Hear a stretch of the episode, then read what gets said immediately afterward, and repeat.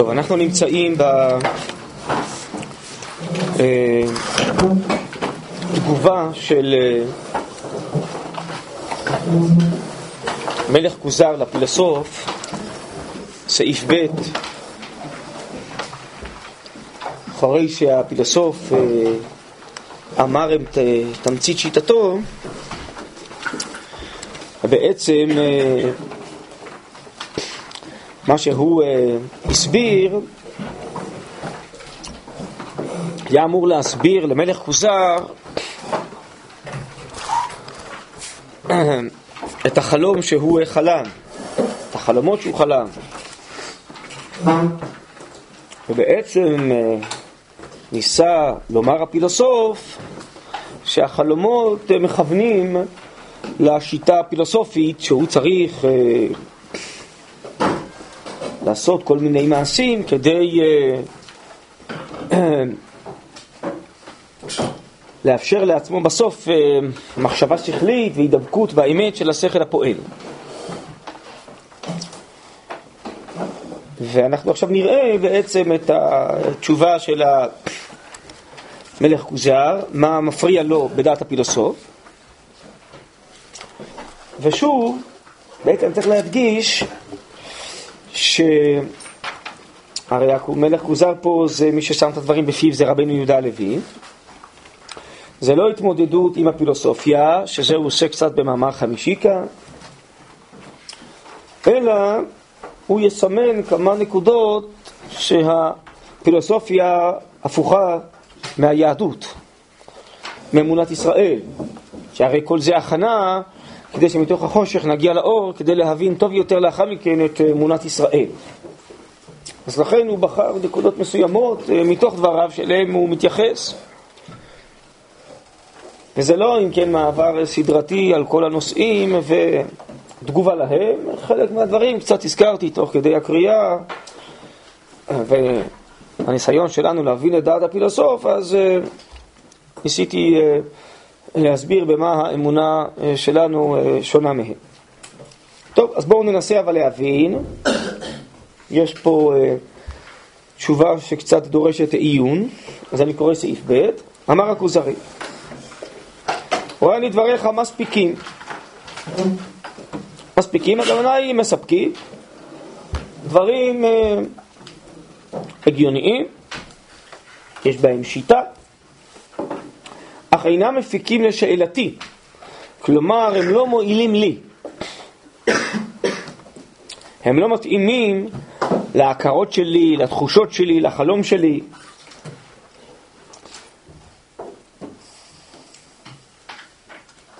מפני שאני יודע בעצמי שנפשי זכה.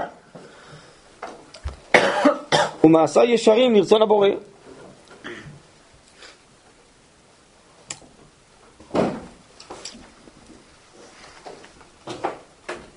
כלומר, כמו שכתוב בהקדמה, שהוא היה מתאמץ אה, בדת הכוזרים שלהם ומקריב קורבנות בעצמו,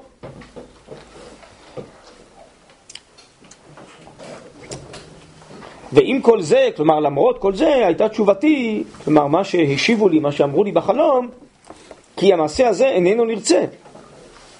אף על פי שהכוונה רצויה, אז הרי כוונות טובות היו לי, כן? זה נקרא מעשים ישרים לרצון הבורא, מעשים ישרים שניסו לרצות את הבורא. ונפשי זכה, כלומר הייתה לה כוונה הטהורה. אבל אמרו לי שאומנם כוונות טובות יש לי, אבל הבעיה היא לא בכוונה, אלא במעשה. כוונתך רצויה, אבל מעשיך אינם רצויים, ככה נאמר לו בחלום. כי המעשה הזה איננו נרצה. אף על פי שהכוונה רצויה, ואין ספק שיש מעשה שהוא נרצה בעצמותו, לא כפי המחשבות, שהמעשה עצמו הוא האידיאל שצריך להיות. ולא רק שהוא אמצעי למשהו אחר, כמו שאתה הפילוסוף אמרת, שהמידות והמעשים זה רק אמצעי להגיע למחשבה נכונה כדי שהמחשבה תגיע לאמת של השכל הפועל. ואם אתם זוכרים, אז הפילוסוף אמר שהמעשה לא חשוב, בדרך הדעת, נימוסים חברתיים, מה שאתה רוצה, רק שתתנהג אתה ואנשי מדינתך באופן נאה, שלא מפריע למחשבה. כדי שבשקט בנחת תוכל לחשוב ולהגיע לאמת של השכל הפועל. אז אין ערך, אמרנו, למעשה מצד עצמו.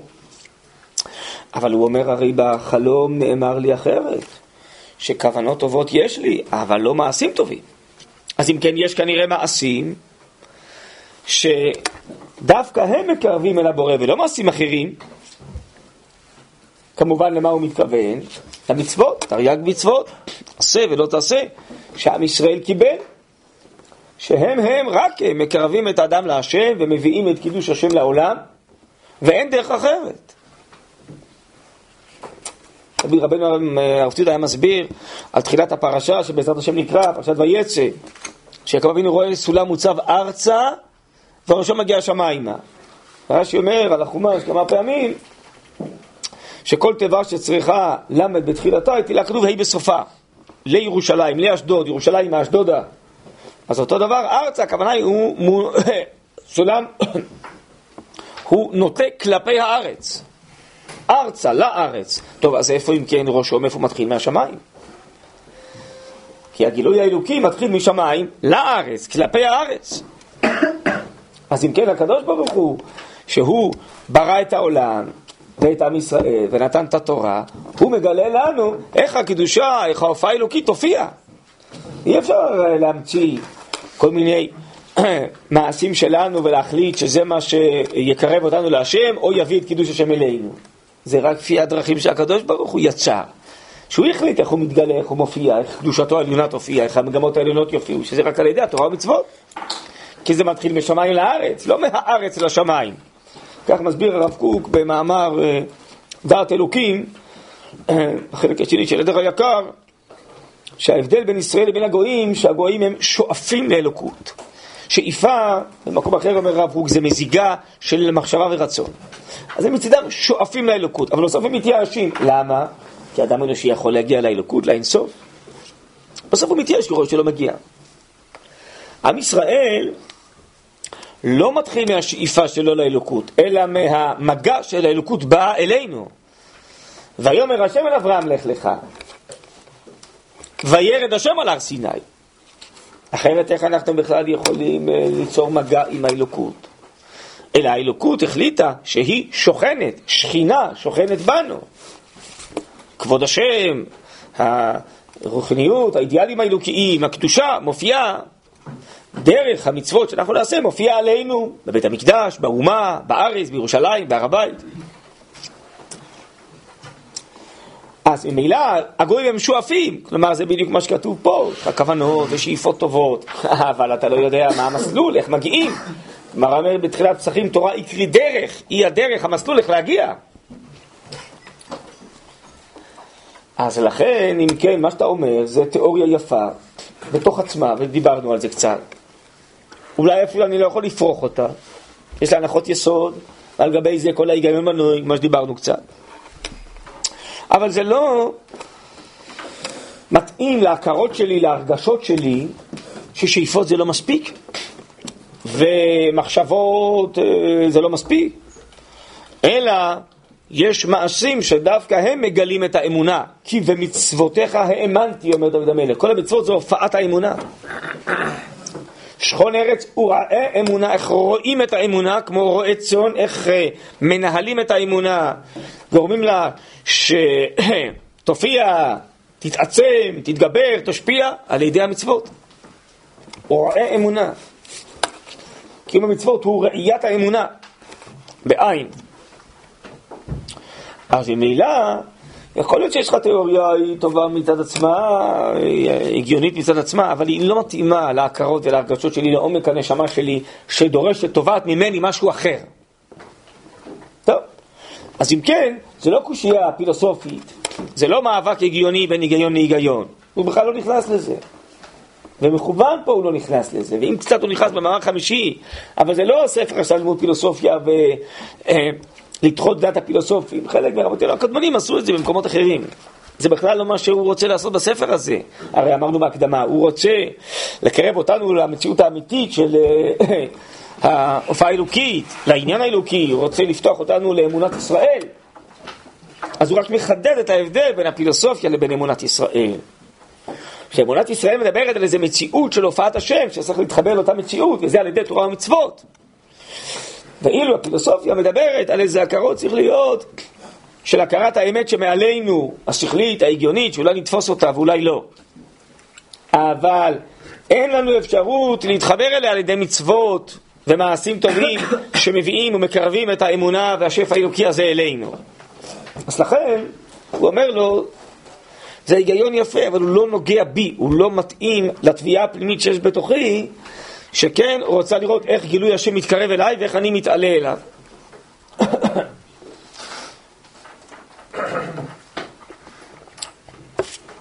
טוב, זה קושייה ראשונה. קושייה שנייה, עכשיו תקשיבו טוב, כי אתם תצטרכו להסביר אותה.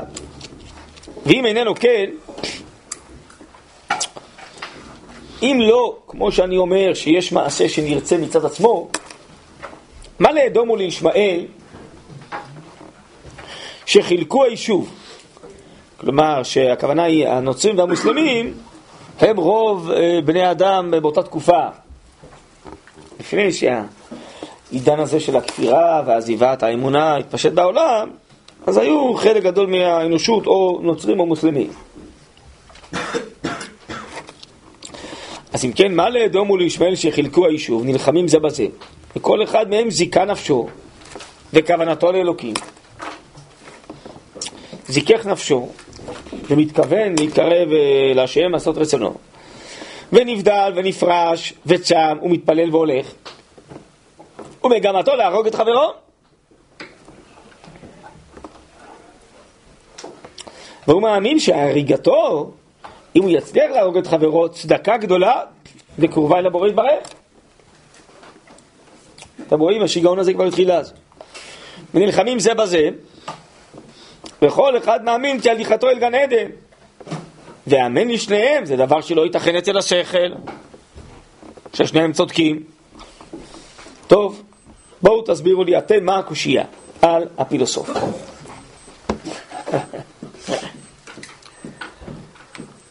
אולי מה שהפילוסוף אמר, שככל שבן אדם אה, עולה בחוכמה ומתקרב יותר לאלוקים, אז המעשים שלו אמורים להשתפר מזה. טוב, אז אה, לפי דעתם, שיפור המעשים, המעשה הכי משופר זה שאתה הורג את חברך. אה, לא, הוא אומר שזה לא יכול להיות. למה זה לא יכול להיות? אנחנו רואים פה שתי קבוצות ששתי המורים לפי דרך נכונה. כן. ואומנם, אם אתה אומר שיש כמה דברים נכונים, אז למה כאילו, אז למה יש בעצם מאבק? כאילו, הוא רוצה להוכיח לי פה שיש משהו אחד שהוא נרצה. פילוסוף אמר שהדעה לא משנה, משנה רק... נו, אדרבה, פילוסוף אמר המעשה לא משנה. אז אחד בחר מעשה אחד להרוג את אה, ב', ואחד בחר מעשה אחר להרוג את א'. הרי הוא בוחר איזה מעשים שרוצים. שני המעשים השונים יגרמו לכולם להתרחק מאלוקות, או לפי דעתם להתקרב לאלוקות. כן, אז מה הקושייה? הוא אמר שהמעשים לא, לא, לא, לא הכרחים דווקא זה ולא משהו אחר, אז כל אחד בחר מעשה אחר. כל הזמן מנסה להקשות מהמלחמה של הנוצרים והמוסלמים, שזה כאילו, הפילוסוף אמר שאין עניין למעשה. כן. מקשה מזה שהנוצרים והמוסלמים נלחמים זה בזה, כנראה יש עניין למעשה. שניהם טועים. גברא, הגברא קרמית? שואלת הגמרא. השחט כאילו, שתי חצי עולם נלחמים אחד בשני. כן. הנה, תסתכלו. זה מה שהוא יענה לו לכאורה בסעיף ג', לא? אני קורא רגע. אמר הפילוסוף, אין בדעת הפילוסופים הריגת אחד מאלו, מפני שמגמתם השכל. כלומר, לפי הפילוסופיה זה לא נכון להרוג לא את אלה ולא את אלה, כי כולם רוצים את השכל, נקרא לזה את האמת. אז בסדר, כל אחד ילך למסלול אחר להגיע לאמת, העיקר שבסוף כולם רוצים להגיע לאמת. אז שניהם לא בסדר. אז מה אתה מקשה על הפילוסופיה? תקשה אולי לנוצרים והמוסלמים, מה אתה רוצה מהפילוסוף? זה קושייה על הפילוסופיה? לפי דעתי שניהם טועים. נו, אז מה אתה רוצה מהפילוסוף נעבך? אבל הפילוסוף אמר שיש דברים שכולם יודעים שהם לא מוסריים, כולם יודעים שלא מוסריים להרוג או לגנוב והכל. כן. אז לא יכול להיות שבן אדם שקרוב לאלוקים יעשה מעשה לא מוסרי. הפילוסוף אמר שהחוכמה, הקרבה, תגרום לך אה, לעשות לעשות דברים מוסריים. הפילוסוף אבל בכלל לא החשיב את המוסר. הוא אמר המעשים והמידות לא חשובים בכלל, הוא רק החשיב את השכל. לא אתה שם בפיו משהו לא לא שהוא. לא אמר. הוא אמר- שמהחוכמה אה, מעשים אה, מעשים מוסריים. מעשים מוסריים, הכוונה היא שיקרבו לחוכמה. תעשה דרכי הצדיקים מידות ובמעשים, תעלה ביתך מידת ההסתפקות והשפלות, עם ההגדלה לסיבה הראשונה. הכל זה מוכוון כדי להגיע לסיבה הראשונה, לאמת.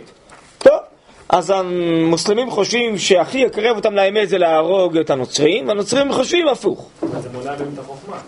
למה? וזה. כן. למה? אם המעשה הוא אמצעי טוב לקרב לחוכמה, אז מה אכפת לך שהמעשה הוא לא מוסרי? לא קשור למוסרי, פשוט אמרנו שאסור שהוא יהיה, החוכמה תעזור להיות יותר יוכל- כאילו צריך להתנהג בטוב עם הבריות, ושהוא יוכל ללמוד אה, ולעשות. טוב, הבריות האלה מפריעות לי להגיע לאמת, אני צריך לסלק אותם, את המכשול הזה מעליי, כדי שאני אוכל להגיע לאמת. אז אני סילקתי אותם, עכשיו אני אוכל להגיע לאמת, זה הכי טוב, לא? אבל מצד שני הוא כל הזמן עוסק במלחמה. טוב, זה עניין זמני, אז שהוא יהרוג את כולם. ואז הוא יוכל בשקט להגיע לאמת. אבל זה ביצה ותרנגולת. מה אפשר לעשות? יש כאלה שמפריעים מהופעת האמת בעולם, הם כופרים, ככה הם קוראים להם, לא? הם מפריעים להופעת האמת, נסלק אותם, ואז האמת תוכל להופיע. כן? מה אפשר לעשות? אבל מה זה קושייה על הפילוסופיה? פילוסופיה אומרת, אה, בסדר, הוא באמת אומר, אתם צודקים, שאין בדת הפילוסופים הריגת אחד מאלו. שלא צריך באמת להרוג, כי כולם רוצים את השכל, ואז תיתן לכל אחד להגיע לאמת בדרך שלו. טוב, נגיד שזה מה שהוא אה, חושב.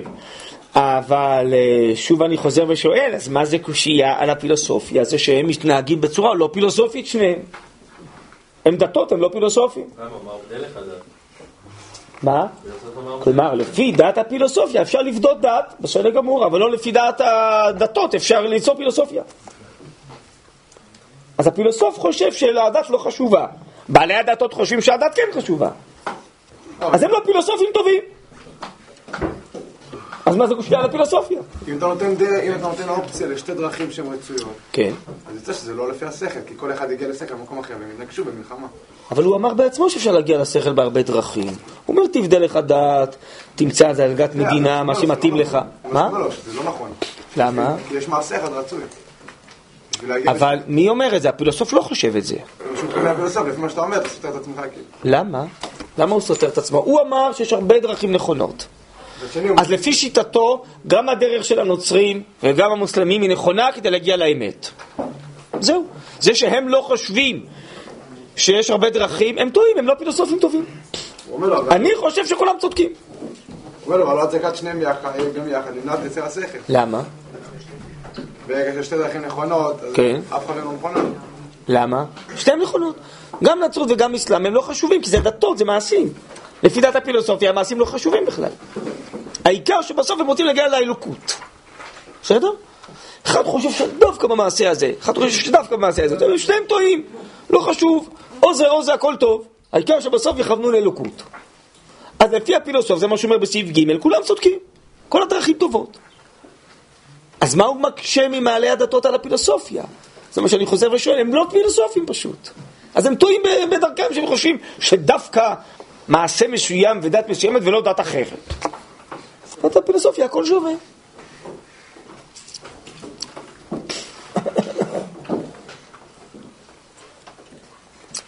איך הם- יכולים לטעות אם הכוונה שלהם היא, אה, יש להם את הכוונה, כל אחד עושה לפי הכוונה שלו. כן, כל אחד יש את הכוונה שלו להגיע לאיזשהו כן. מקומית שלו, אז זה, איך, איך הפילוסוף יכול לומר? כן. אחרי הכל, אם אתה אומר שאין משמעות למעשים, כן. והם כאילו, הם, איך אתה יכול לומר שהם טועים אם הם, הם הולכים לפי כוונה שלהם, שכאילו... אומר שכל העניין זה, זה הכוונה, זה לא המעשה. אז איך אתה יכול לומר שהם טועים במעשים שלהם, אם הם הולכים אחרי הכוונה הם לא שלהם? טועים, לפי דעתה, לפי דעת הפילוסוף, שניהם צודקים במעשים. אחד המציא מעשה כזה, אחד המציא מעשה כזה, העיקר שכל המעשים מקרבים לאלוקות. מבחינת הפילוסוף כולם צודקים. הם חושבים, כל אחד שחברו טועה, אבל הם טועים בזה, הם לא פילוסופים. הפילוסוף אומר, לא כולם צודקים? כל הדרכים טובות, מה זה משנה? אז מה הוא מקשה לפילוסוף? הם לא מספיק פילוסופים. אה? זה לא מוסרי. הפילוסוף אמר שבדרך הדברים האלה... לא מוסרי. א', אני לא רואה, זה מטריד אתכם שזה לא מוסרי ואתם צודקים, אבל אני חושב שהוא שואל, זה דבר שלא ייתכן אצל השכל. הוא כאילו מקשה מצד השכל, לא מצד המוסר. הוא אומר שהכוונה לא מספיקה. מה? הוא אומר שהכוונה לא מספיקה. הפילוסוף אומר שמספיקה הכוונה, מספיק שתרצה. הוא כן. אומר שהתוצאה של הכוונה שלהם יצאה שפחות אנשים, בגלל שאנשים מתים, אז פחות אנשים יכולים להתקרב לאלוקות. אה, לא. אה, אתה אומר, יש בעיה עובדתית, אתה אומר משהו אחר עכשיו, ממה שנאמר עד עכשיו. אתה אומר, אם נלך בדרכך פילוסוף, שהכל הכוונות טובות, ואז בסוף יוצא שאנשים נלחמים אחד בשני, בסוף לא יישאר מי שיכוון. מה, זה משהו, זה קושייה טכנית, אתה אומר. זה לא מציאותי מה שאתה אומר. מבחינה זאת, שכל אחד יבחר לו דרך שהוא רוצה, וחלק מהדרכים חושבות שהכי טוב לחסל את השני, ואז כולם יהרגו את כולם, בסוף אף אחד לא יישאר פילוסוף. אף אחד לא יתפלסף. לא יישאר מי שיתפלסף. טוב, בסדר, אולי. אולי כבר זו קושייה מציאותית מהצד המעשי, שזה פשוט לא עובד, לא יעבוד השיטה שלך, עולם יחרב. טוב, בסדר. זה מעניין מה שאתה אומר.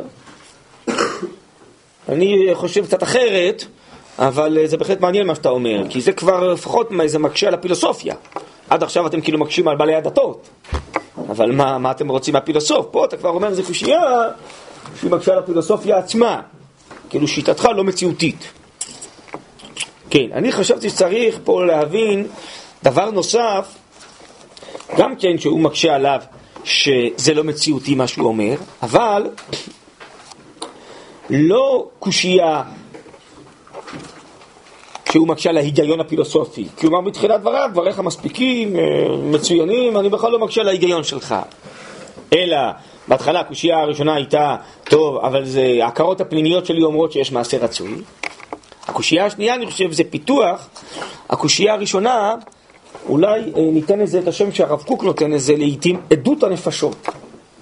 יש, הרב קוק אומר, לפעמים ההרגשה, הבריאה של כולם היא עדות יותר חזקה מכל הפילוסופיות והתיאוריות.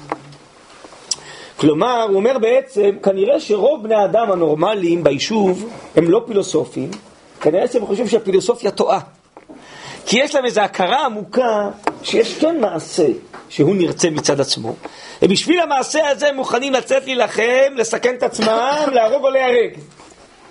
כנראה יש איזו הכרה מאוד עמוקה בתוך האנושות, שיש כן חיים ומעשיים שצריכים להופיע מצד עצמם, ואם לא, אין לחיים ערך בכלל. כנראה שהתיאוריה שלך זה מין תיאוריה כזאת שכלית, הגיונית, מופשטת, מנותקת מהחיים, מנותקת מההכרות וההרגשות הטבעיות. משהו כזה, כן, נקרא לזה בלשון הלוזית, אפריורי כזה, מופשט.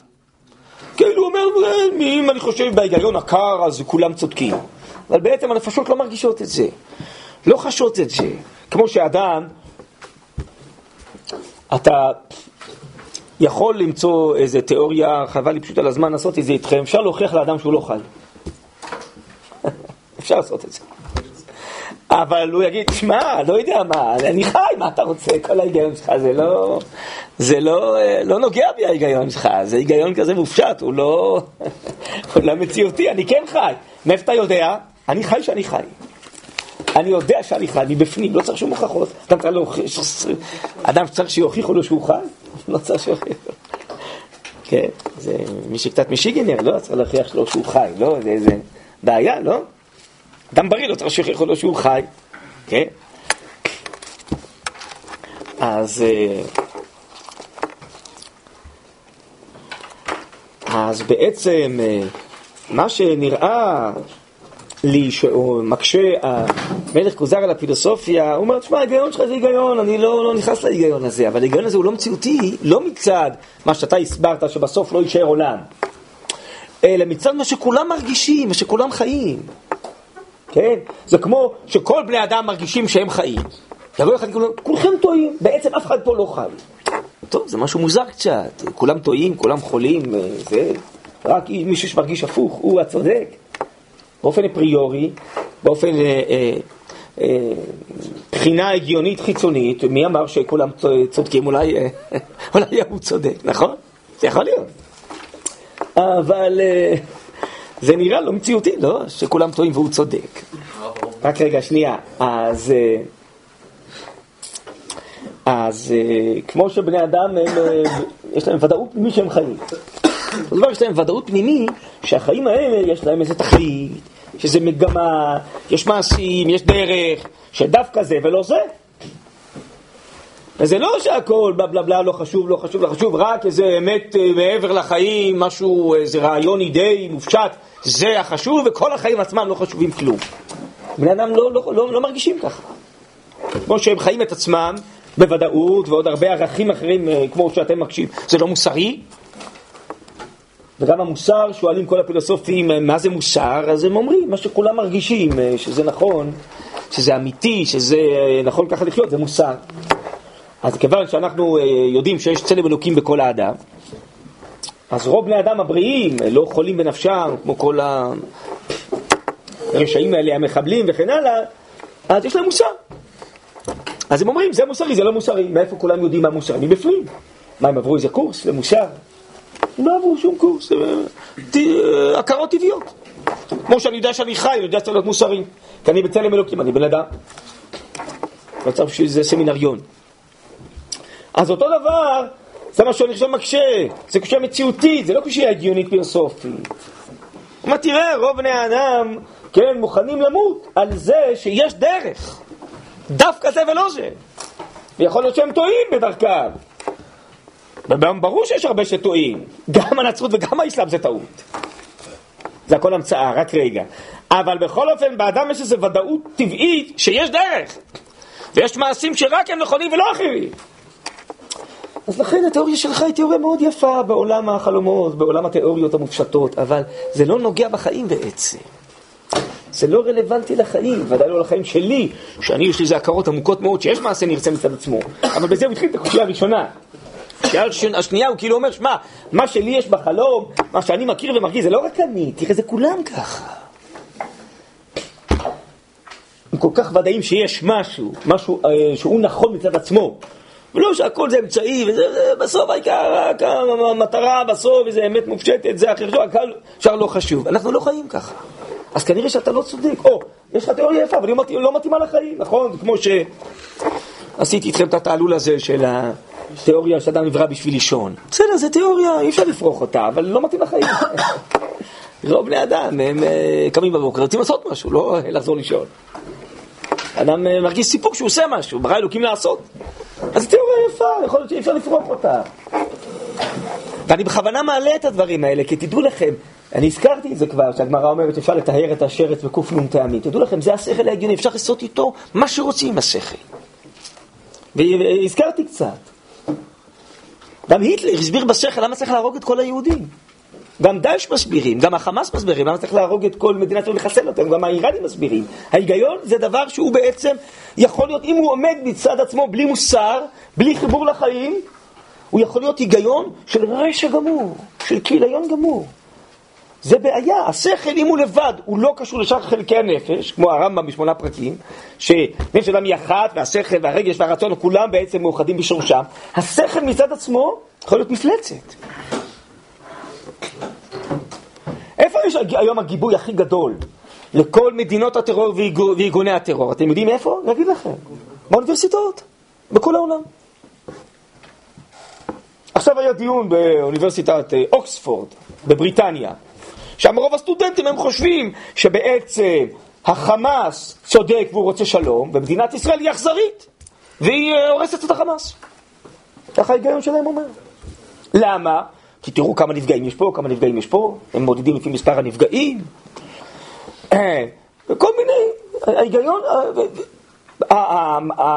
כן, הכי גדולה של כל התיאוריות, תראו גם פה במדינת ישראל, למה צריך ללכת רחוק לאוקספורד, כן? כל, כל מיני הפגנות וימי עיון, גם לחמאס, עושים באוניברסיטאות. באוניברסיטה בחיפה, מקומות אחרים.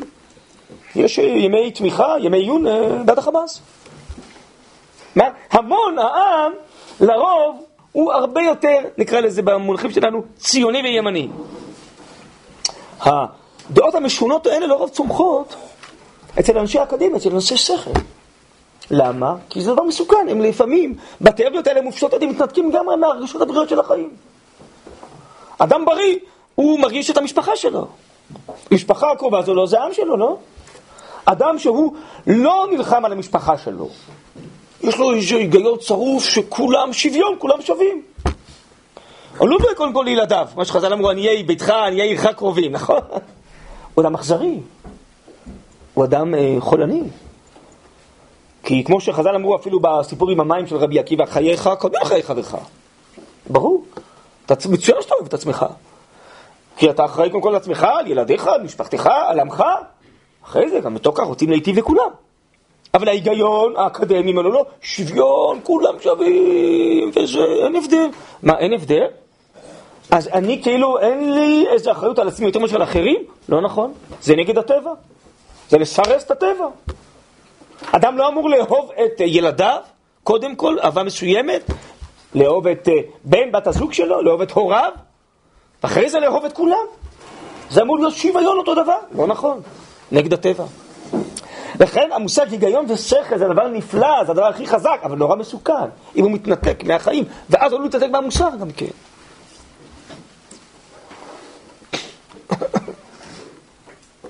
אתן לכם דוגמה. אה, אני כבר לא זוכר איזה נשיא אה, אמריקאי זה היה, שבאקדמיה של אה, תקופתו ובתקשורת דיברו על כך שיש בעידן המלחמה הקרה בין רוסיה ל...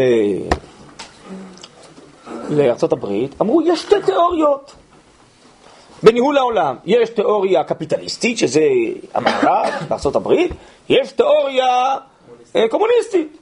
שתי תיאוריות. שאיך מנהלים את העולם. אז זה כאילו, אם אתה בוחר את זה מבחינה אה, אקדמית, אה, רעיונית מופשטת, באמת שתי תיאוריות. אבל דעקה שבסוף ברוסיה שחטו שם איזה 40 מיליון איש. זה נהיה בית סוהר הכי גדול של העולם, בסיביר, ומה, איזה דברים, איזה רישות נוראה הייתה ברוסיה. התיאוריה הזאת בסוף התנתקה לגמרי מהחיים והרסה אותם. התיאוריה השנייה, אולי בסוף היא התחברה יותר מדי לחיים ושכחה גם את העקרונות. אז אתה כאילו יכול לדון באופן אקדמי, אה, באופן פילוסופי, זה לעומת זה, כאילו שתיהם בעלות אותו משקל. אבל זה מוסרי וזה אנטי מוסרי. מבחינה מוסרית יש פה שתי שיטות, זה נכון. אם אתה דן על התיאוריה המופשטת בלי החיבור לחיים, יש פה שתי שיטות. אבל זה צחוק, זה רשעות שהורסת את העולם, וזו תיאוריה שבאה לבנות את העולם, אם הצליחה, אבל היא לפחות רסתה. בסדר? אתם מבינים מה שאני מסביר? אז בעצם אני חושב שעל המשקל הזה, הוא גם אומר לו פה, ולכן אני גם מזהיר, זה גם היום. עכשיו זה המון סוגיות שהן אה, אה, קשורות לנושא הזה, וויכוחים הם סביב הנושאים האלה. זה מה שאומר, שהוא אומר, שמע, יש לך תיאוריות יפות, אבל התיאוריות האלה בכלל לא קשורות לחיים. ורוב בני האדם, הרב קוק אומר בסעיף אה, ב' של אורות התחייה, שלעיתים עם לעם, גזע לגזע, דת לדת, מין למין נאבקים באופן אינסטינקטיבי כמו חיות. וההמון מרגיש שזה עם אחר, הוא מסוכן לו. והוא עומד על נפשו, נלחם איתו.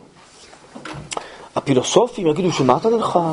כמו שהוא אומר פה, זה לא יפה להילחם, למה אתה נלחם? כן, כולם שווים, הכל בסדר.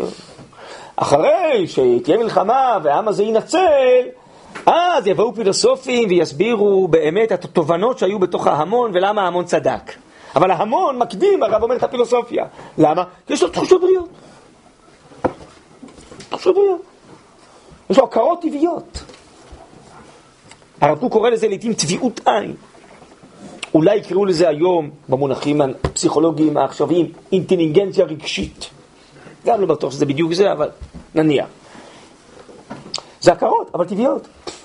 יש הכרות כאלה מופשטות מחוץ לחיים. והן לעיתים רבות חוטאות למטרה בכלל.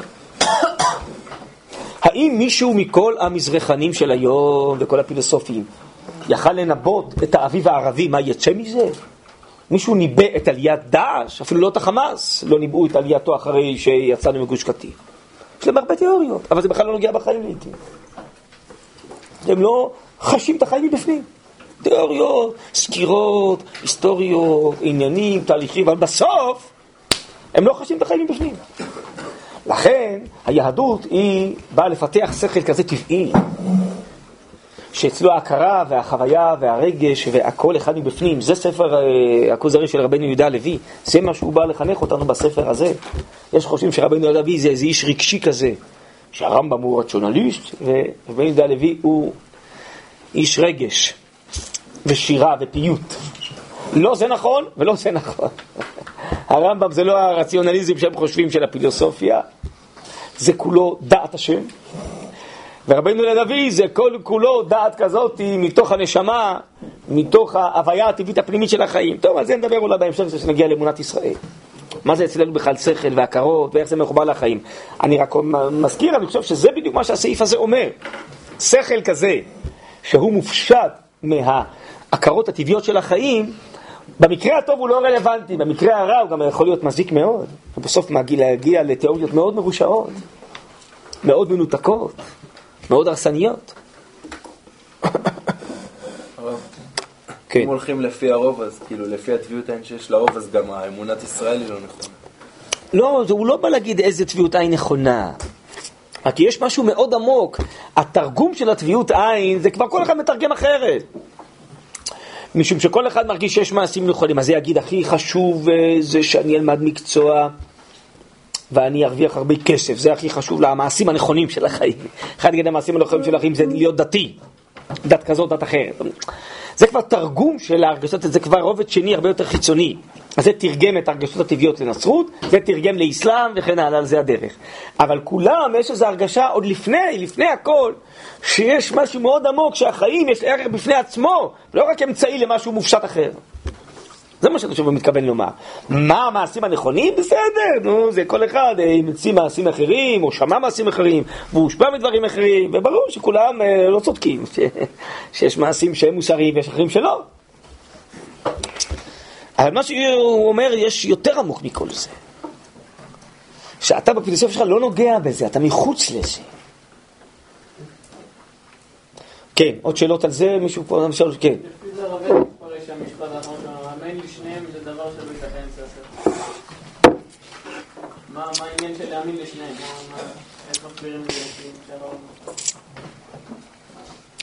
לפי השכל שלך, אי אפשר הרי להאמין לשניהם, נכון?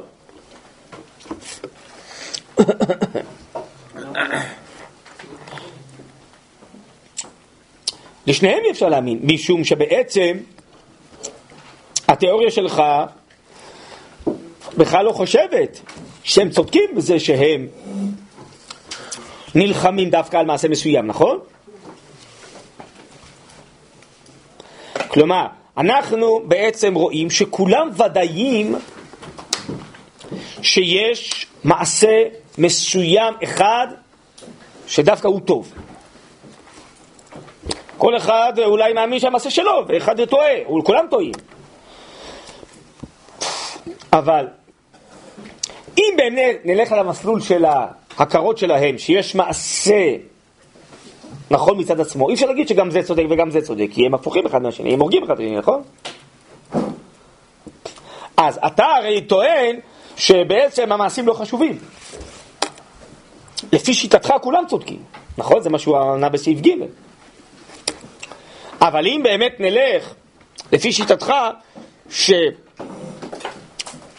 שכולם צודקים, אז אה, זה נגד ההכרות והרגשות שלהם אה, מצד עצמם. ואם לא נלך לפי שיטתך, אלא לפי מה שהם מרגישים, שיש מעשה שהוא צודק מצד עצמו, באמת צריך לבדוק מהו המעשה. ולהאמין לשניהם שכל אחד המעשה שלו, זה אי אפשר, כי הם הפוכים אחד מהשני. אבל כן המשותף, שכולם מרגישים שיש מעשה שהוא נכון מצד עצמו. וזה כמובן נגדך. לכן זה קושייה על הפילוסוף. ולא רק מספיק להגיד שהם לא פילוסופים, באמת הם לא פילוסופים. כלומר, הם מרגישים שהפילוסופיה לא רלוונטית בכלל. היא לא נוגעת בהכרות והרגשות היותר עמוקות שלהם. במילים אחרות, בקיצור, הוא אומר, הם כן צודקים שיש מעשה שהוא נרצה מצד עצמו. אי אפשר להצדיק לא את זה ולא את זה כשהם הורגים אחד את השני, אז אי אפשר להגיד שדווקא, ששניהם צודקים. בבחירת איזה מעשה נכון, אבל שניהם צודקים שיש מעשה שהוא נרצה מצד עצמו, וכולם בוודאות, כן, מכירים וחשים את זה. זה מה שאני מחפש, הוא אומר, ולפי דעתך אין כזה מעשה בכלל. טוב. כן, זאת אומרת כאילו שיש מעשה רצוי, כי אנחנו רואים שרוב העולם כאילו מחפשים לכם מעשה כזה, אז כן, אתה הולך לפי הרוב. כן, איך אתה הולך בין הדבר הזה לפי הרוב? כן. יש מעשה רצוי כאילו? ואם אתה רואה שהרוב עושים לדבר מסוים, אתה תלך לפי זה כאילו בלי לחשוב? אם לחשוב. כאילו? אם לחשוב. אם אני אחשוב שהמעשה שכולם עושים הוא כולם בגזל מיעוטם באריות וכולם באבק לשון הרע, אז אני לא אלך. או כמו שהתוספות פה ראיתם, לא בתחילת בבא בתרא פה, שזה מנהג שטות. נכון? ראיתם את התוספות? מנהג שטות. טוב, כי השכל אומר זה מנהג שטות. אבל אם השכל שלי, ההיגיון שלי אומר, ההכרות שלהם הן הכרות טובות. הגיוניות. שיש מעשה, כן? כמו הדוגמה שהבאתי, שכולם מרגישים שהם חיים. אז אני אגיד, זה מנהג שטות שכולם מרגישים שהם חיים. למה? זה מנהג בריא, מנהג שטות. אם כולם יהפכו לרוצחים, טוב, אז בסדר, אז... אה, אולי זה כן נכון. אם הרוב יהיו רוצחים זה גם רוצח. שמה? למה בזה אתה הולך לפי הרוב, ובזה אתה לא הולך לפי הרוב? אם הרוב יהיו רוצחים. לא, זה לא מצד הרוב או לא רוב. אני דן, בודק, האם זה נראה שזה מתאים לעומק החיים. נו, אז אם לאדם יראה שלרצוח ולגנוב דבר טוב, כן. את זה. בסדר? אז הוא טועה? כי זה נגד החיים. אבל למה במעשה רצוי? לא, ואם הוא ממש מרגיש ככה, אז במעשה רצוי אתה אומר שאפשר... אז אני אגיד, כולם חולים, מה אני יכול לעשות? יכול להיות שכולם יהיו חולים. יכול להיות כזה, מגפה התפשטה וכולם נהיו חולים. אבל אולי כאילו הם גם חולים ואין מעשה רצוי. עוד פעם. אולי- הכל יכול להיות אולי, שוב, אתה מחפש אולי הוכחה. לא, הוא לא בא להוכיח שהוא צודק, הוא רק אומר, אני מחפש את העומק של הטבעיות של החיים, זה מה שאני מחפש. ונראה לי שהאנשים האלה הם צודקים ולא אתה הפילוסוף, אין לו הוכחה שהם צודקים ולא הפילוסוף. אתה אומר אולי, אולי, אולי. אתה כל הזמן מחפש הוכחה, אין הוכחה. מרגיש כאילו שיש כאילו מעשה רצוי. זה כמו תשאל, אולי כולנו טועים שאנחנו אומרים שאנחנו חיים. אולי. אולי לא. אז כאילו כי הוא מרגיש כאילו שיש משהו רצוי. מרגיש, אולי גם מכיר. הכרה בריאה של החיים, שיש מעשה שהוא רצוי, כמו הכרה בריאה שאנחנו חיים. כן? שוב, לא הוכחה. אתה צודק, אולי כולם טועים. אנחנו לא חיים בכלל. אולי כולם אה, טועים שאין מעשה רצוי מצד עצמו. אולי. אבל שתי הערות. א', שאנחנו לא באים להוכיח שום דבר, אלא רק הוא פותח מול עיניו את המציאות הטבעית הבריאה לראות אותה, זה כל המהלך הספר, הוא לא מוכיח פה שום דבר בספר הזה, לפי הבנתי לפחות. בסדר, צריך להתרגל לזה, אבל מה אני אעשה, אתם משועבדים אה, בינתיים להוכחות, אז אתם רוצים הוכחות, אבל לא צריך להוכיח שום דבר בחיים, צריך פשוט לראות את החיים נכון, לא צריך להוכיח שום דבר. הוכחות זה כשאין חיים, צריך להוכיח משהו, כן? זה כמו מישהו שעולה, עומד על הגג ורוצה להתאבד, רוצה לקפוץ. איך אומר, תחזיקו אותי שאני לא אקפוץ, נכון? אז אה, באים להוכיח לו שכדאי לחיות. אז אם צריך להוכיח לו שכדאי לחיות, כנראה שהוא לא בריא, נכון? אז אם מחפשים הוכחות, כנראה שיש חוסר בריאות, לא? כי מי שחי, צריך להוכיח לו שהוא חי, הוא כנראה לא כך חי. שצריך להוכיח אמונה, כנראה שהוא לא כך מאמין, נכון? רבי יהודה הלוי רוצה לשלוף אותנו, להוציא אותנו מהשיעבוד הזה, מההתמכרות הזאת להוכחות, שנפרסה עלינו בעידן המודרני הנאור של הכפירה. בסדר? ואמונת ישראל, תורת ישראל לא באה להוכיח שום דבר, תתרגלו לזה. בסדר? אתם תשמעו ממני בלי את המשפט הזה הרבה פעמים, אמנם אתם לא מקבלים ברגע זה את מה שאני אומר לכם, כי אתם עדיין נמצאים בתוך הצורך להוכיח כל דבר, אבל מה אני אעשה? זה שיגעון של הדור שלנו, שכולם גדלים בתוכו, לוקח איזה תקופת מה לצאת מהשיגעון הזה. בסדר? אז אה, מה נעשה? אני, במחילה. אנחנו באים ללמוד את האמת, ללמוד את המציאות, לא באים להוכיח שום דבר. בסדר? זה קודם כל. אז אתה אומר, אולי זה אחרת, אה, בסדר, זה גם יכול להיות זה אחרת. אני לא בא להוכיח, אני רק בא לומר, אה, לקרב את האדם למציאות האמיתית. אבל אם הוא לא ירצה, אנחנו נגד כפייה דתית, אם הוא לא ירצה, הוא לא ייפתח, הוא לא יתקרב, הוא לא יקבל, הוא לא יאמין, וגם אנחנו לא באים להוכיח שום דבר. בסדר? זה... דבר שני, אולי צריך להתרגל לזה, זה לא קושייה. אולי לא. יש לך קושייה, הכוונה תגיד טענה נגד. בסדר? אולי לא זה סתם. זה סתם. אין כזה דבר, אולי לא. אם אין לך טענה למה זה לא, זה כן. בסדר, זה גם איזו הטעיה שכלית של העידן המודרני, אולי לא. אני חי, אולי לא, אולי. כן? חזוקי, כל זמן שלא הוכח הפוך, אז זה כן. אז זה אולי. תגיד טענה, למה זה לא נראה לך הגיוני? למה זה לא נראה לך מציאותי? בסדר, טענה, אני יכול לשמוע. משהו שאולי לא, זה סתם תעלול, זה סתם אה, כאילו... איזה... כל אחד יעשה כאילו, כל אחד כאילו, אתה רואה, כל אחד יגיד מהשמן שלו, תעשה אותה. עוד פעם, כל אחד יאמר, שכל אחד יגיד מה שנראה לך נכון, תעשה. כן. כן, אפשר להגיד. כן, אפשר להגיד, אפשר לטעות, כן, אז מה? לא, לא, אפשר להגיד הכל, מה מה הקושייה בזה? לא, אבל כאילו, מה שמבוסס, כאילו, מה שמבוסס כאן שיש מעשה רצוי, בגלל שהרוב כאילו עושים את זה, רוב העולם. זה לא מצד, אתם לא, זה לא מצד רוב ומיעוט עכשיו, דיני רוב ומיעוט. זה כאילו קריאה מציאותית של טבע החיים. טבע החיים לא מורה את מה שאתה אומר, זה הכוונה אצלי, זה לא רוב ומיעוט סטטיסטיקה עכשיו. החיים לא אומרים את מה שאתה אומר, זה תיאוריה מחוץ לחיים, זה מה שהוא, אני חושב, הוא מקשה עליו. החיים אומרים שאנחנו חיים, החיים אומרים שיש ערך לחיים, אנשים רוצים לחיות, הוא גם אומר שמבחינת האדם אפשר לחלות, אפשר למות, החיים לא חשובים. הרגשת החיים הטבעית היא לא כזאת, לא דיברתי על זה, אבל זה כבר מצטרף. החיים אומרים שטוב לחיות, ורוצים לחיות, בסדר? והחיים אומרים שיש אמת, ויש מוסר, ויש מעשה רצוי מצד עצמו, זה מה שהחיים אומרים, זה מה שהוא מצביע לו, תסתכל, החיים אומרים אח- אחרת, בסדר? זה לא רוב ומיעוט. אני חושב שזה מה שהוא מתכוון להצביע לו. טוב, אולי כל החיים זה טעות. אולי כולם טועים. אולי בכלל אתה עכשיו לא רואה אותי כי אני פטה מורגנה, אתה סתם מדמיין שאני יושב לפניך. הכל יכול להיות. בסדר? אבל אה, אתה לא, כשתצא מהחדר הזה לא תנסה להיכנס בקיר, אלא בדלת. לא, למה? אולי הדלת בכלל לא נמצאת פה, אולי אה, צריך לצאת דרך הקיר. אולי. יכול להיות, תנסה. כן. לא, לא הבנתי, מי שואל? אה, מבין שניהם, נו. כן. ענת, ב- ב- השאלה השאלה הראשונה של הקוזה, אני חוזר אחורה. כן. שיש מעשה רצוי, איך הוא יודע שיש מעשה רצוי? אה, זה מה שאמרו לו בחלום. החלום הסברנו בהקדמה שזה בעצם איזה תובנות, הרגשות, הכרות פנימיות של החיים. שכמו אדם יודע שהוא חי, אז הוא יודע שאני חי בשביל תכלית, בשביל לעשות, בשביל אה, להתקדם. אז כאילו החיים מבפנים אומרים לו, יש מעשה רצוי. כן? ולא מספיק שאתה מתכוון, יכול להיות שכוונות טובות, אבל אתה לא אה, בעצם אה, בונה את הדבר הנכון. והתיאוריה הפילוסופית אמרה לו בעצם אין שום מעשה רצוי, זה סתם, אה, תמציא מה שאתה רוצה. אומר, ההכרות הפנימיות שלי לא אומרות את זה. לכן זה לא קושייה פילוסופית, זה הכל קושיות טבעיות, מטבעיות ההכרות של החיים. אני חושב שזה השותף פה לשתי השאלות בסעיף הזה. זה בכלל זן אחר של קושיות. זה לא בא מצד השכל ההגיוני ה- הפילוסופי, אלא מצד השכל הפנימי של החיים. השכל שקורא את החיים מבפנים. בסדר?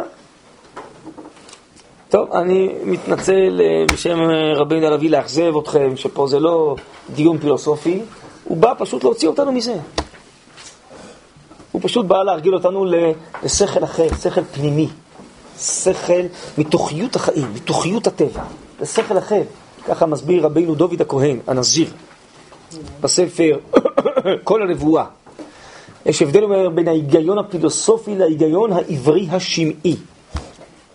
ההיגיון הפילוסופי אומר זה היגיון הסתכלותי, שאני בא אל החוכמה, אל המציאות, אני מנסה להשכיל אותה.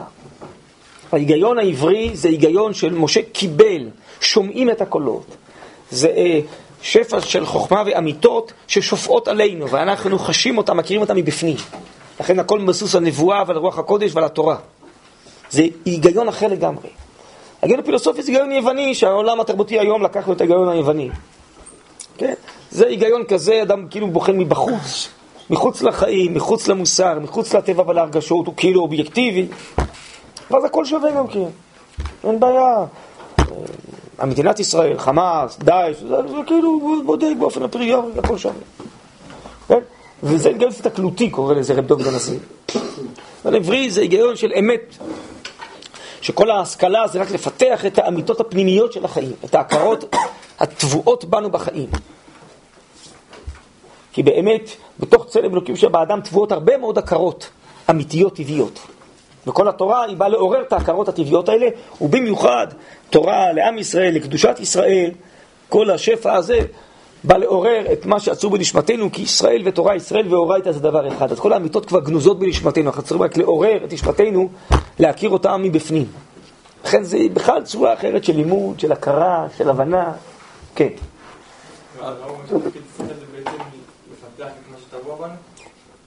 מצוין. אצלנו השכל זה אמצעי להגיע להכרות שעצורות בנשמתנו.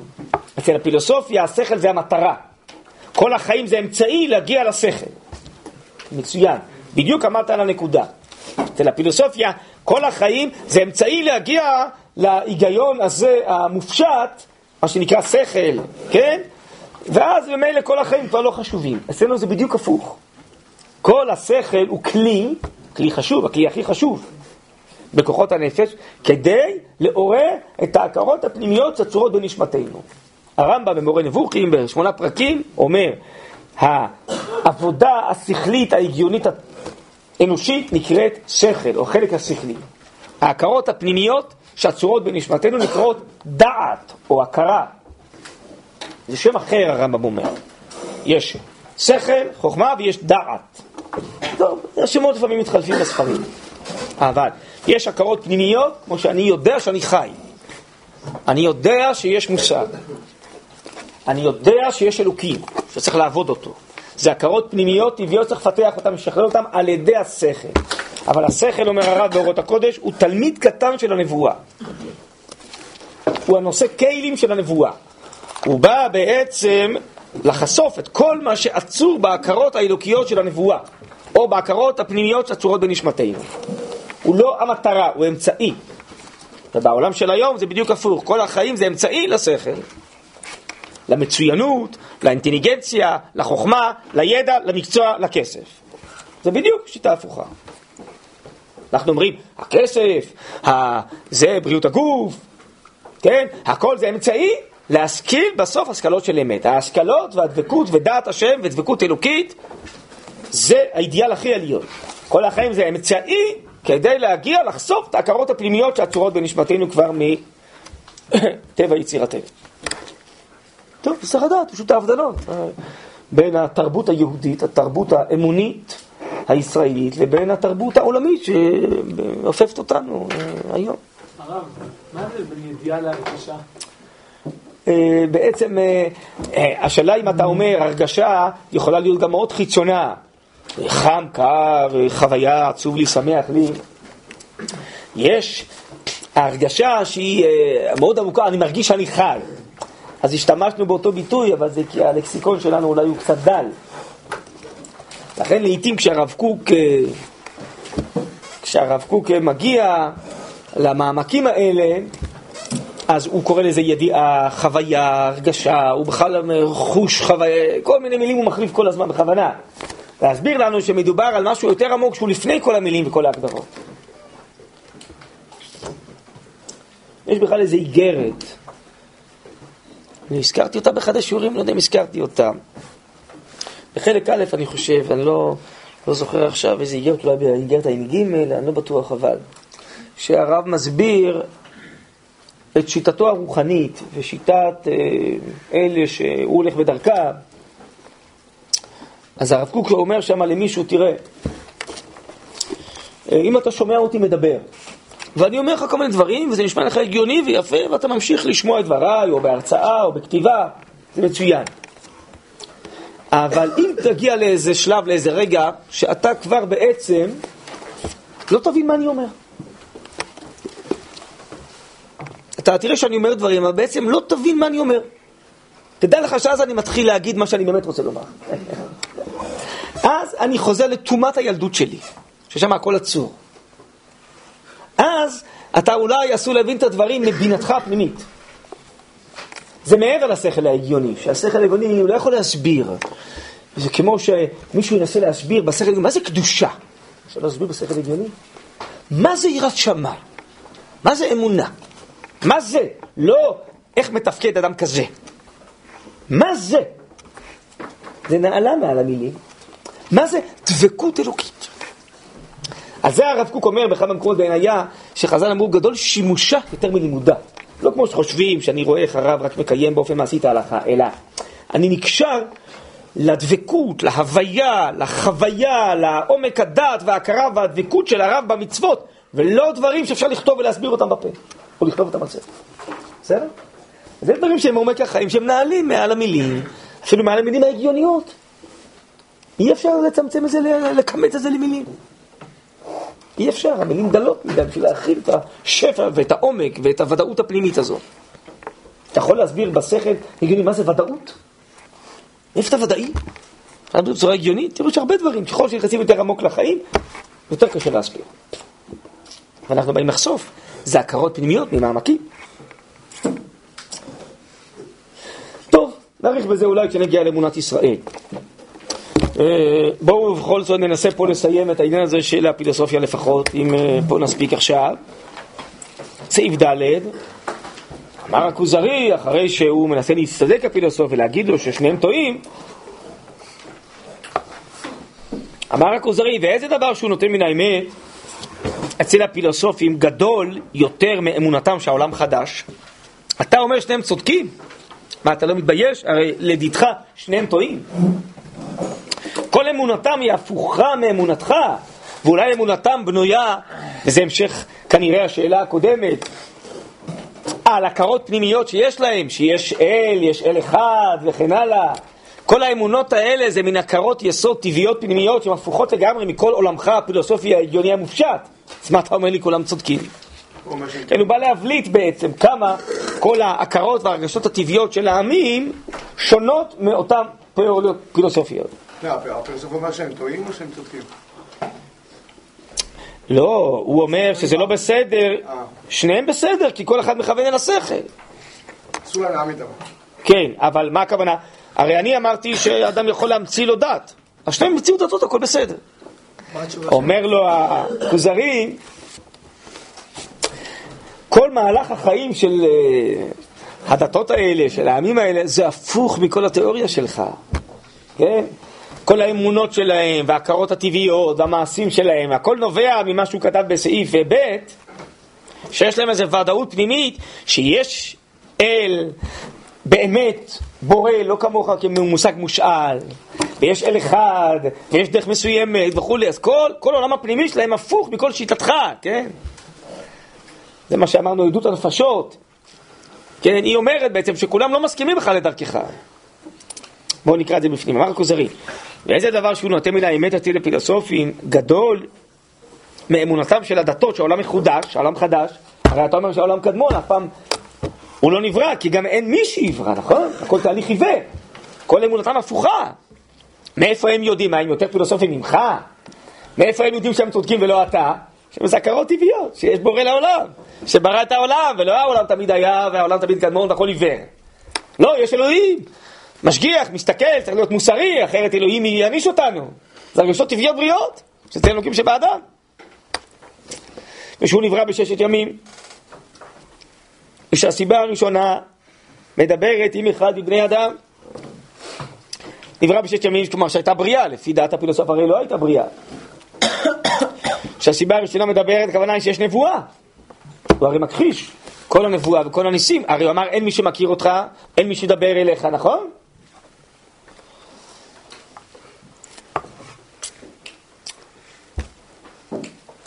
עם הרוממות, איך זה מסתדר עם הרוממות שמרוממים אותו הפילוסופים מידיעת החלקיות? הרי אתה טוען שהקדוש ברוך הוא אין לו ידיעה ואין לו רצון, ככה הוא הסביר בתחילת התיאוריה שלו, אחרת זה חיסרון לגבי הבורא, אתם זוכרים? אז אם כן, אין סיבה ראשונה, והיא לא מכירה אותנו והיא לא אמורה לדבר איתנו. אז ברור שכל הכרותיהם ואמונותיהם של בעלי הדתות הפוכות מהתיאוריה שלך. שוב, כהמשך לסעיף הקודם. זה עדות טבעית. ואם זה, ואם נלך לשיטתך, שאתם הכי קרובים לאמת ודבוקים בה, היה ראוי כפי מעשי הפילוסופים וחוכמתם ואמיתתם והשתדלותם, שתהיה הנבואה ידועה בהם ונמצאת ביניהם. כלומר, שתתחברו לאמת של השכל הפועל, ומתוך השכל הפועל תדעו כל מיני אמיתות. מפני דבקם ברוחניות, הרי בדרך שלך אתה אומר, הכי מתקרבים לאמת, לרוחניות.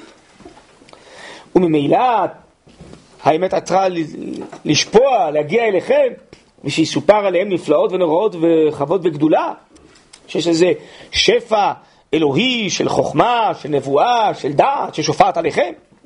ואנחנו רואים החלומות הנאמנים למי שלא יתעסק בחוכמה ולא בזיכוך נפשו. הוא ודאי רומז על אה, עם ישראל שזכה לנבואה, אבותינו וכל מיני אישים אלוקיים בתנ"ך, ואחרי זה עם ישראל ביציאת מצרים, ומתקופת המדבר, בתי המקדש והנביאים. כלומר, אנחנו רואים חלומות נאמנים, אה, כן, ואולי גם כן, אה, כמו החלום שלי, איזה אנשים פשוטים, אבל שיש להם, אה, נקרא לזה, הרגשות טבעיות בריאות, כמו החלום שאני חולם, אולי גם אחרים.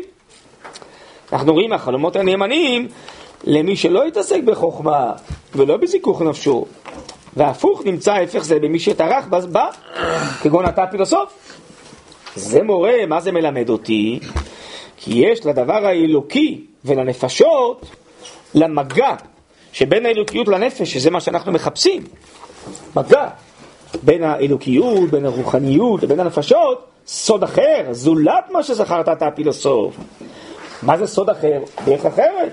אולי באמת, וכנראה שיש איזה מעשים שהם מצד עצמם הנכונים, רק הם פותחים את השער בפני הופעת הרוחניות האלוקית.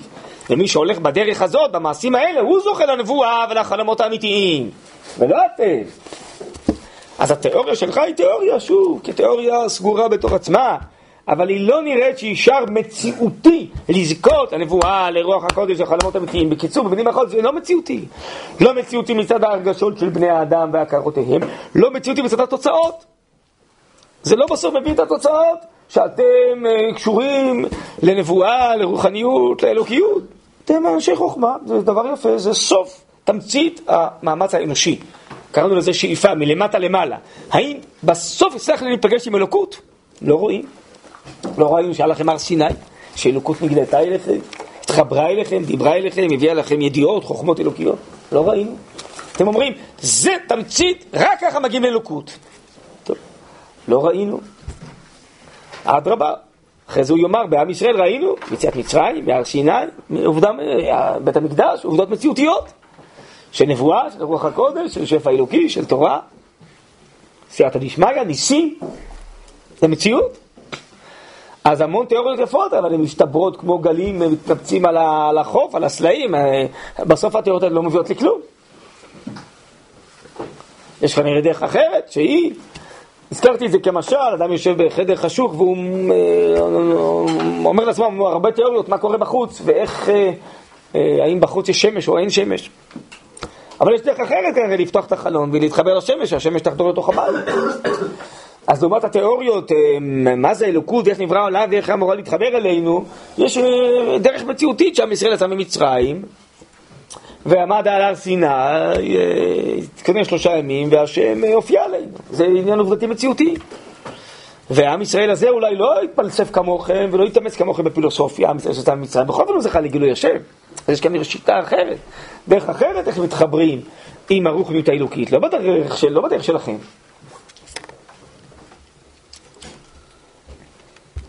בסדר? הוא מחזק את הטענה הקודמת? כן, זה הכל בעצם טענה אחת גדולה, אני חושב. שוב, לא טענה פילוסופית, טענה מציאותית. כן? טבעית מציאותית, כן. אני חוזר טיפה אחורה לפי מה שאמרנו, אז זה פסקה ג' מה עונה הפילוסוף, אם זה מה שאמרתי. הוא כאילו עונה את המובן מאליו, מה שאני שאלתי. לפי שיטתי, כולם בסדר. כי כל אחד ימציא לו דרך אחרת, כי הרי באמת אין רק דרך אחת, וכולם מנסים להתקרב לשכל, אז הכל בסדר. האמצע... הדרך הרי לא חשובה, זה רק אמצעי. אבל הטענה של הכוזרי הייתה, אה, איך אתה אומר דבר להכרה הטבעית כן. של כל העולם, אז מה עונה? אה, הוא בורח מהקושייה הזאת. הוא חוזר לשכל. הוא לא מקבל את זה שיש הכרות טבעיות, הוא בז להם. מה אכפת להכרות טבעיות? יש אמת שכלית, הגיונית. לך תגיד היום לאיזה פילוסופיה, אנשי אקדמיה, שההמון של ה... המוסר של ההמון אומר אחרת. אז מה, זה אספסוף יגיד לך, לא? לא? ככה קוראים לנו, לא? לפני כל בחירות ככה קוראים לנו אספסוף, לא? הם, אנשי השכל, יודעים את האמת המוסרית של השוויון, ולזה, בין העמים, ובין אה, גברים ונשים, וזה, כל מי שחש אחרת הוא אספסוף. אז הוא בז לזה, אתה מבין? זה בדיוק. זה פה, אתה מבינים? פה זה נעוץ. מי שלומד פה מבין היום, זה מקרא, מה קורה היום. זה בדיוק זה, זה פשוט חזר. היום בגדול, היוון הפילוסופית חזרה בעידן שלנו. עוד מעט נחגוג וזה, שעשה ניסים לאבותינו, נדליק נרות. כן, אבל זה חזר, לא- זה קרב חדש עכשיו. אל תחשבו שזה נגמר וזה חלף מן העולם. אז זה בדיוק, הוא יבוז לזה, אז מה כולם מרגישים? כולם טועים. רק אני צודק, אני הפילוסוף, אני איש האקדמיה, הפרופסור או שופט בית המשפט העליון. רק אני צודק. כולם אספסוף, כולם טועים. כן, מחילה, כן. פסקה ד', כן. פסקה ד', הוא מגיב על מה שהוא אמר בפסקה ג' או שהוא בכלל לא נותן לו איזה טענה- טענה אחרת שהוא פונה אליו? הוא ממשיך, כאילו, הוא אומר לו, הרי זה לא רלוונטי מה שאתה אומר. כל מה שאתה אומר, פילוסופיה, פילוסופיה, כולם הפוך ממך. כל הרגשותיהם, כל חייהם, זה הפוך מכל התיאוריה שלך, מה אתה כאילו אומר? הרי זה הקושייה המרכזית, שהחיים לא מורים את מה שאתה אומר. אז הוא רק ממשיך להראות לו כמה החיים של כל בעלי האמונות לא מורים, אה, הפוכים מכל מה שאתה אומר. דרך אגב, גם בחז"ל מסכימים עם הדבר הזה. שלפעמים צריך להקשיב להרגשות הטבעיות. שוב, צריך איזה בחינה, מתי כן, מתי לא, כמו שהתוספות אמר, אולי הרגשות הטבעיות זה מנהג שטות, אולי זה, זה תאווה ויצר, כן, או עבירה, בסדר. אבל אם זה נראה שזה צודק, אז זה צודק. לעיתים בספק בבית המדרש, אז הגמרא אומרת, פוק חזי, מה ים הדבר? לך תראה מה העם. מה זה לך תראה? החכמים הגדולים לא יודעים את המדרש, לך נראה מה, מה העם החליט. העם החליט קפה עילית, מה זה העם החליט? מה זה העם החליט? מה העם החליט? לא. העם יש לו הרגשות טבעיות. הוא יודע שקוקה קולה זה טעם החיים. זהו. אז יש כזה דבר, העם יודע. יש כזה דבר בהלכות ספר תורה. הזכרתי את זה פעם בשיעור, אני לא זוכר. איזה שיעור אחר אולי הזכרתי את זה. יש לפעמים לא יודעים מה האותיות נדבקו או לא נדבקו, אם זה שתי אותיות או אות אחת. אז יש ספק, ספק. אז אומרים, צריך להביא ילד קטן, והוא צריך לקרוא, והוא צריך להגיד לך אם הוא קורא פה אות אחת או שתי אותיות. אז הילד הקטן, הוא מכריע אם הספר תורה כשר או פסול. כן. למה? כי אנחנו מרוב חוכמה ופילוסופיה כבר, וידיעת ההלכות והזה, אנחנו, המחשבה מבלבלת אותנו מההרגשה, מהאינסטינקט הטבעי. ילד זה אינסטינקטיבי, הוא לא יודע חוכמות. תגיד לו מה לקרוא, יש לו יודע אותיות, תגיד לך אם קוראים פה אות אחת או שתיים, זהו, הוא מחליט. יש לו אינסטינקט בריא. שלפעמים לנו אין. אז מכריעים לפי האינסטינקט הבריא. אנחנו מאוד מחשיבים את הטבע. הרב קוק אומר בכל מקום שהוא, אנחנו באים רק לפתח את טומאת הילדות, את ההרגשות הטבעיות, אנחנו לא באים למחוק את הילדותיות. העולם המערבי, הוא אומר, בא למחוק את הילדות. הוא אומר, ילדות זה סתם, זה... שם כולם אספסוף, אנחנו אנשי דעה. לא, אנחנו באים רק להשכיל איזה אוצר של דת מקופל מונח בתוך העולם של הילדות. העולם של הילדות לא יודע זה, הוא חי את זה באינסטינקט. אנחנו נבוא מתוך השכלה עמוקה להסביר מה טמון, איזה חוכמה עמוקה טמונה בתוך האינסטינקט הטבעי של הילדות. אבל אנחנו לא נגד זה, אנחנו באים לשכלל את זה, לפתח את זה. מה שאמר בדת אלוהים שם, נכון. כמו העיגול. כן. באים לשכלל, להשכיל, לעדן, לפתח, אבל לא להחליף את זה משהו אחר. אבל העולם לא חושב ככה. אה. העולם הוא חושב גם היום שאנחנו מאוד משכילים אקדמיים. פעם היו אנשי אמונה, הם עבדו או להשם, עבודות זרות, אה, הם היו פרימיטיביים, הם כלום, אנחנו אנשי דעה. כן, אנשי דעה, אבל בלי אמונה. אנשי שכל מופשט בלי אמונה. הם היו באמת עם עוצמות אדירות של אמונה, לפעמים אפילו פראית, אינסטינקטיבית, אבל אמונה, הכרות של אמונה. וזה נחלש מאוד. נדבר על זה אולי סביב חנוכה, למה זה נחלש, יש פה דברים אה, שחשוב אולי ללמוד עליהם. אבל אנחנו מאוד נאורים ומפותחים בהבנת החיים אה, וכל מיני דברים, אבל יכול להיות שאנחנו מאוד חלשים בהכרות הטבעיות של החיים שהיו פעם וכבר נחלשו. אז אנחנו מתקדמים בדבר מסוים, הרב קוק אומר, בקליפת החיים, אבל בתוכניות החיים יכול להיות שאנחנו מאוד חלשים היום לעומת מה שפעם. אז לכן צריך לבדוק כל דבר לגופו. טוב, סוגיות גדולות צריך ללמוד אותן. יש סכנה כזאת שמתישהו היגיון אה, מופשט יגבר על ההיגיון הטבעי. נו ברור, זה מה- שקורה היום בכל אירופה, בכל העולם, לכן העולם מתפורר היום. אנשים לא מתחתנים, לא ילדים ילדים, החיים לא נחשבים בכלל. רק כאילו הגיע למופשט. ברור. כמה זמן זה יכול להחזיק אבל? לא- לא, עם ישראל יושיע את העולם, רק עם ישראל יכול להושיע את העולם. אנחנו נחזיר את ההכרות הטבעיות. זה בדיוק, בשביל זה אנחנו חוזרים לארצנו היום. רק עם ישראל לברך הוא יכול לעשות את זה. רק ההיגיון השמעי הנבואי יכול להחזיר את זה. להחזיר את ההכרות הטבעיות של החיים. העולם לא מסוגל להושיע את עצמו, הוא אה, באבדון, נו, באבדון. כן. הרי התמיכה האינטלקטואלית הזאת היא היום בכל ארגוני הטרור, עכשיו מפוצצת את אירופה. הם הרי תמכו בזה, הם תומכים בזה כל הזמן. זה צודק, ההוא צודק, ההוא צודק, הם רואים שאי אפשר לחיות ככה, זה מפוצץ את הטרור. טוב, סוגיות גדולות, יאללה, להתראות.